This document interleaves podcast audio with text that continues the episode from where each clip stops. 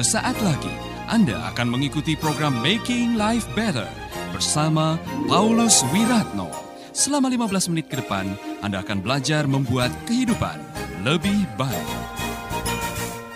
Haleluya, saudara pendengar yang dikasih oleh Tuhan, senang sekali saya bisa mengunjungi para pendengar sekalian di mana pun Anda berada. Tentunya para pendengar yang berada di seluruh Nusantara yang sudah mendengarkan program Making Life Better dan saya yakin program ini telah menjadi berkat bagi jutaan orang yang mendengarkan program ini, baik di dalam negeri maupun di luar negeri. Dan tentunya saya mengharapkan saudara-saudara bisa menuliskan kembali respon atau kesaksian atau testimoni bagaimana Allah telah mengubah kehidupan saudara melalui Making Life Better. Dan kalau saudara sudah diberkati dan dijamah dan mengalami perubahan yang signifikan, Jangan lupa kirimkan email saudara ke alamat info at pauluswiratno.com info at pauluswiratno.com Dan tentunya saya akan segera menyampaikan kesaksian itu kepada saudara-saudara kita yang lain melalui program Making Life Better. Nah, bagi saudara yang berada di dalam negeri maupun di luar negeri yang punya akses internet, sekarang saudara bisa membuka www pauluswiratno.com dan saudara bisa menikmati kesaksian, membaca artikel-artikel dan juga mengetahui apa yang sudah terjadi dengan Making Life Better. Sejauh mana Making Life Better telah memberkati banyak orang. Haleluya. Saudaraku pada edisi kali ini saya masih melanjutkan pembahasan mengenai orang muda yang bodoh. Dalam kaitannya belajar dari kebodohan, saya menemukan bagian yang kedua daripada kebodohan orang muda ialah dia lupa mengurus jiwanya. Saudara bisa bayangkan, setelah bekerja membanting tulang, memeras keringat, siang jadi malam, malam jadi siang, membangun, membangun, menanam dan menanam, merombak lumbung, merombak lumbung, memperbesar kekayaan, mengumpulkan sebanyak-banyaknya, setelah itu baru dia berkata kepada jiwanya, "Hai jiwaku, ada banyak harta tertimbun bagimu untuk bertahun-tahun lamanya. Sekarang makanlah, minumlah, beristirahatlah, bersenang-senanglah, nikmatilah hidupmu." Tapi malam itu sebelum dia sempat menikmatinya, nyawanya, jiwanya diambil oleh Tuhan. Itulah sebabnya Tuhan mengatakan orang muda ini bodoh karena dia lupa merawat jiwanya. Nah, kali ini kita akan belajar mengenai merawat jiwa. Saudaraku, jiwa itu perlu dirawat. Sebab kalau tidak dirawat dengan baik, bisa-bisa jiwa saudara mengalami tekanan. Itulah sebabnya ada istilah tekanan jiwa atau stres. Kalau dibiarkan terlalu lama bisa menjadi depresi. Kalau depresi terlalu lama tidak ditangani, tidak ada pertolongan, akhirnya orang bisa mengalami penyakit jiwa yang parah. Nah, itu sebabnya saya mau mengajak saudara-saudara untuk belajar merawat jiwa. Beberapa hari yang lalu saya membaca sebuah surat kabar yang mengatakan begini rencana pemerintah menaikkan harga bahan bakar minyak alias BBM akan memicu bertambahnya warga Manado yang hidup di bawah garis kemiskinan. Kenaikan BBM yang akan diikuti melambungnya harga bahan pangan tampaknya akan semakin membuat frustasinya warga Sulawesi Utara. Ini dapat dilihat dari terus meningkatnya warga yang mengalami gangguan jiwa. Saudaraku, informasi tadi diteguhkan lagi oleh sebuah surat kabar yang terbit di Jakarta yang mengatakan seperti ini. Sesuai proyeksi World Health Organization atau WHO, penderita depresi di Indonesia akan meningkat seiring tuntutan kehidupan sosial yang tinggi, perubahan pola kehidupan dengan cepat, beban ekonomi, dan meningkatnya jumlah orang yang berpenyakit kronis. Hal ini menunjukkan dengan sangat serius bahwa yang namanya jiwa akan terancam seiring dengan beban kehidupan yang semakin berat. Nah, Saudaraku, kita semua sekarang sedang menghadapi tantangan di depan berkaitan dengan gejolak bahan bakar minyak yang naik yang diiringi dengan melambungnya harga-harga kebutuhan pokok yang nanti itu akan merembes ke mana-mana sehingga kehidupan menjadi lebih sulit. Yang jelas kita harus menjadi orang yang pandai merawat jiwa sehingga kita tidak mengalami gangguan jiwa. Lalu bagaimana caranya kita bisa merawat jiwa kita dengan baik? Sehingga di tengah-tengah pergumulan, tantangan kehidupan, persoalan-persoalan yang datang, kita masih punya ketenangan jiwa, bukan gangguan jiwa. Tetaplah di Making Life Better bersama Paulus Wiratno. Caranya bagaimana? Kita harus memulai dengan pemahaman yang benar. Jiwa ini datangnya dari siapa? Kemudian akan kembali ke mana? Kemudian bagaimana kita harus merawatnya dan memperlakukannya sehingga di tengah-tengah pergumulan hidup kita punya kesehatan jiwa yang terjamin. Nah, itulah sebabnya saya mengajak saudara-saudara untuk memahami mengenai jiwa.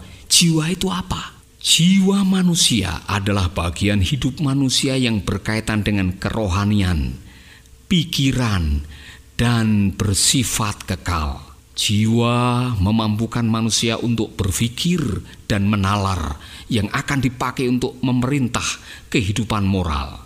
Kekekalan dari jiwa merupakan sistem pengajaran yang sangat fundamental bagi kekristenan. Untuk itu mari kita akan mendengarkan apa yang dikatakan oleh Alkitab mengenai jiwa. Di dalam kitab Kejadian pasal 2 ayat yang ketujuh dikatakan seperti ini. Kemudian Tuhan Allah mengambil sedikit tanah, membentuknya menjadi seorang manusia, lalu menghembuskan nafas yang memberi hidup ke dalam lubang hidungnya. Maka hiduplah manusia itu. Dalam kitab pengkhotbah pasal 12 ayat yang ketujuh dikatakan, tubuh kita akan kembali menjadi debu di bumi.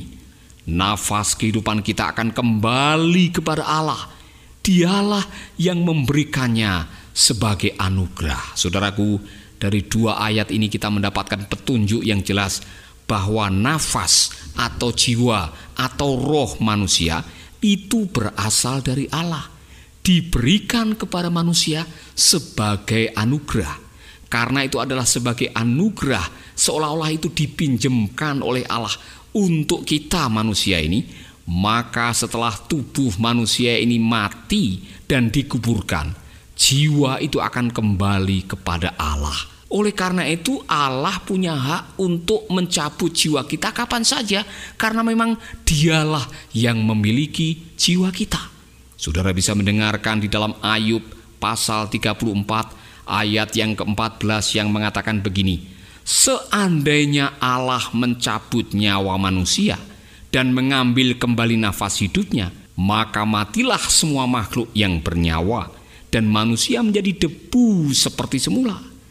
Saudaraku, jadi Allah punya hak untuk mengambil nyawa manusia karena memang nyawa manusia berasal dari Tuhan. Nah, kita sebagai manusia yang meminjam nyawa dari Allah seharusnya selayaknya memperlakukan barang pinjaman itu dengan baik-baik, dirawat dengan sungguh-sungguh, diperhatikan dengan baik-baik, sehingga waktu jiwa itu kembali kepada Yang Maha Kuasa. Jiwa itu kembali dalam keadaan sehat, tidak ternoda, dan dalam keadaan yang menyenangkan pemiliknya. Oleh karena itulah, kita harus belajar merawat jiwa dengan baik-baik. Saudara bisa mendengarkan di dalam Mazmur pasal 90 ayat yang ketiga yang mengatakan Engkau menyuruh manusia kembali ke asalnya menjadi debu seperti semula. Kalau mereka mati, mereka kembali ke tanah. Hari itu juga semua rencana mereka lenyap.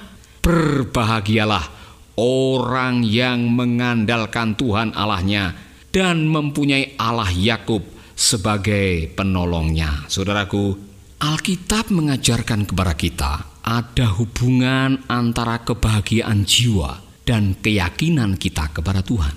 Saya pikir ini sangat masuk akal, saudara.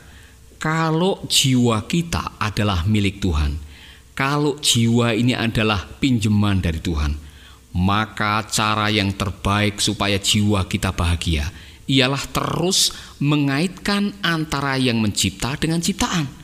Kalau kita menyadari bahwa jiwa ini berasal dari Tuhan, maka jiwamu harus tetap terkait dengan Tuhan yang meminjamkannya. Jiwa yang bahagia adalah jiwa yang mengandalkan Allah. Jiwa yang mengalami sukacita adalah jiwa yang dipenuhi dengan hadirat Allah. Oleh karena itu tidak heran kalau pemazmur mengatakan berbahagialah orang yang mengandalkan Tuhan Allahnya dan mempunyai Allah Yakub sebagai penolongnya. Anda masih mengikuti Making Life Better bersama Paulus Wiratno. Saudara-saudara saya mau mengajak saudara-saudara untuk sejenak merenungkan kebenaran ini. Kalau selama ini kita lupa, kalau selama ini kita hilaf, kita tidak pernah memperhatikan jiwa kita, kita tidak pernah memperhatikan kesehatan manusia batiniah kita, kita tidak pernah ingat kepada si pemberi kehidupan. Dan sementara saudara mendengarkan program ini, saudara seperti diingatkan, dan saudara mengatakan, "Sudah lama saya lupa." Sudah lama saya hilaf. Saya hidup dengan cara yang sembrono. Saya telah melukai manusia batinnya saya. Saya tidak menjaga kekudusan batin saya. Akibatnya saya dikejar-kejar dengan rasa bersalah. Saya hidup amburadul. Saya merasa kotor di hadapan Tuhan. Saudaraku, tidak ada istilah terlambat. Inilah waktunya saudara mengatakan dengan jujur di hadapan Tuhan, Tuhan, saya mohon ampun. Saya selama ini telah hilaf, saya hidup dengan tidak benar. Saya mengotori jiwa saya. Bahkan saya tidak pernah memperhatikan bahwa jiwa saya akan kembali kepadamu di dalam alam kekekalan. Saudaraku, Yesus pernah mengatakan seperti ini. Marilah kepadaku, hai kamu yang letih lesu dan berbeban berat. Aku akan memberikan kelegaan kepadamu. Mungkin selama ini akhirnya saudara menjadi orang yang stres. Saudara dipenuhi dengan tekanan-tekanan kehidupan yang membuat saudara mengalami gangguan jiwa. Saudara dipenuhi dengan kekhawatiran dan depresi, frustasi oleh karena persoalan yang tidak kunjung selesai. Dan hari ini saudara sudah mengatakan lebih baik aku bunuh diri. Lebih baik aku mengakhiri hidup ini daripada aku terus-menerus seperti ini. Saudaraku, ada Tuhan yang siap memberikan kelegaan kepadamu. Kalau saudara adalah orangnya, dengan jujur saudara mengatakan Pak Paulus, saya perlu kelegaan, saya perlu kedamaian, saya perlu keselamatan. Yesus hadir, siap untuk memberkati dan menyelamatkan dan memberikan kelegaan kepada saudara. Kalau saudara adalah orangnya, mari kita berdoa. Bapa kami di dalam surga, kami mengucap syukur buat kesempatan yang luar biasa ini. Hari ini kami diingatkan bahwa jiwa atau nafas atau roh atau manusia batiniah kami akan kembali kepadamu karena hidup kami adalah anugerah dan kehidupan ini akan kembali kepada pencipta yang memberi kehidupan. Kalau selama ini kami telah lalai, kami kilaf, kami menjalani kehidupan dengan sembrono, kami melupakan kebenaran firman, kami telah melukai manusia batiniah kami dan kami tidak bahagia, kami frustasi, kami putus asa dan kami sekarang menderita tekanan jiwa. Tuhan, ampunilah kami ampuni dosa dan kesalahan kami, dan berikanlah kami kelegaan. Terpujilah namamu ya Bapa. Di dalam nama Yesus kami berdoa. Amin, amin. Saudaraku, kalau saudara membutuhkan bimbingan lebih lanjut dan saudara rindu supaya Making Life Better bisa benar-benar lebih pribadi menolong saudara, kirimkan email saudara info at pauluswiratno.com info at pauluswiratno.com Baru saja Anda mendengarkan Making Life Better bersama Paulus Wiratno. Jika Anda diberkati, kirimkan kesaksian Anda ke Radio Dian Mandiri Jalan Intan LC2 Gang 4 Nomor 1 Denpasar, Bali. Kunjungi website kami di www.pauluswiratno.org Facebook Paulus Wiratno. Hubungi kami di 081 338 665500 Sekali lagi 081 338 665500. Terima kasih, Tuhan memberkati.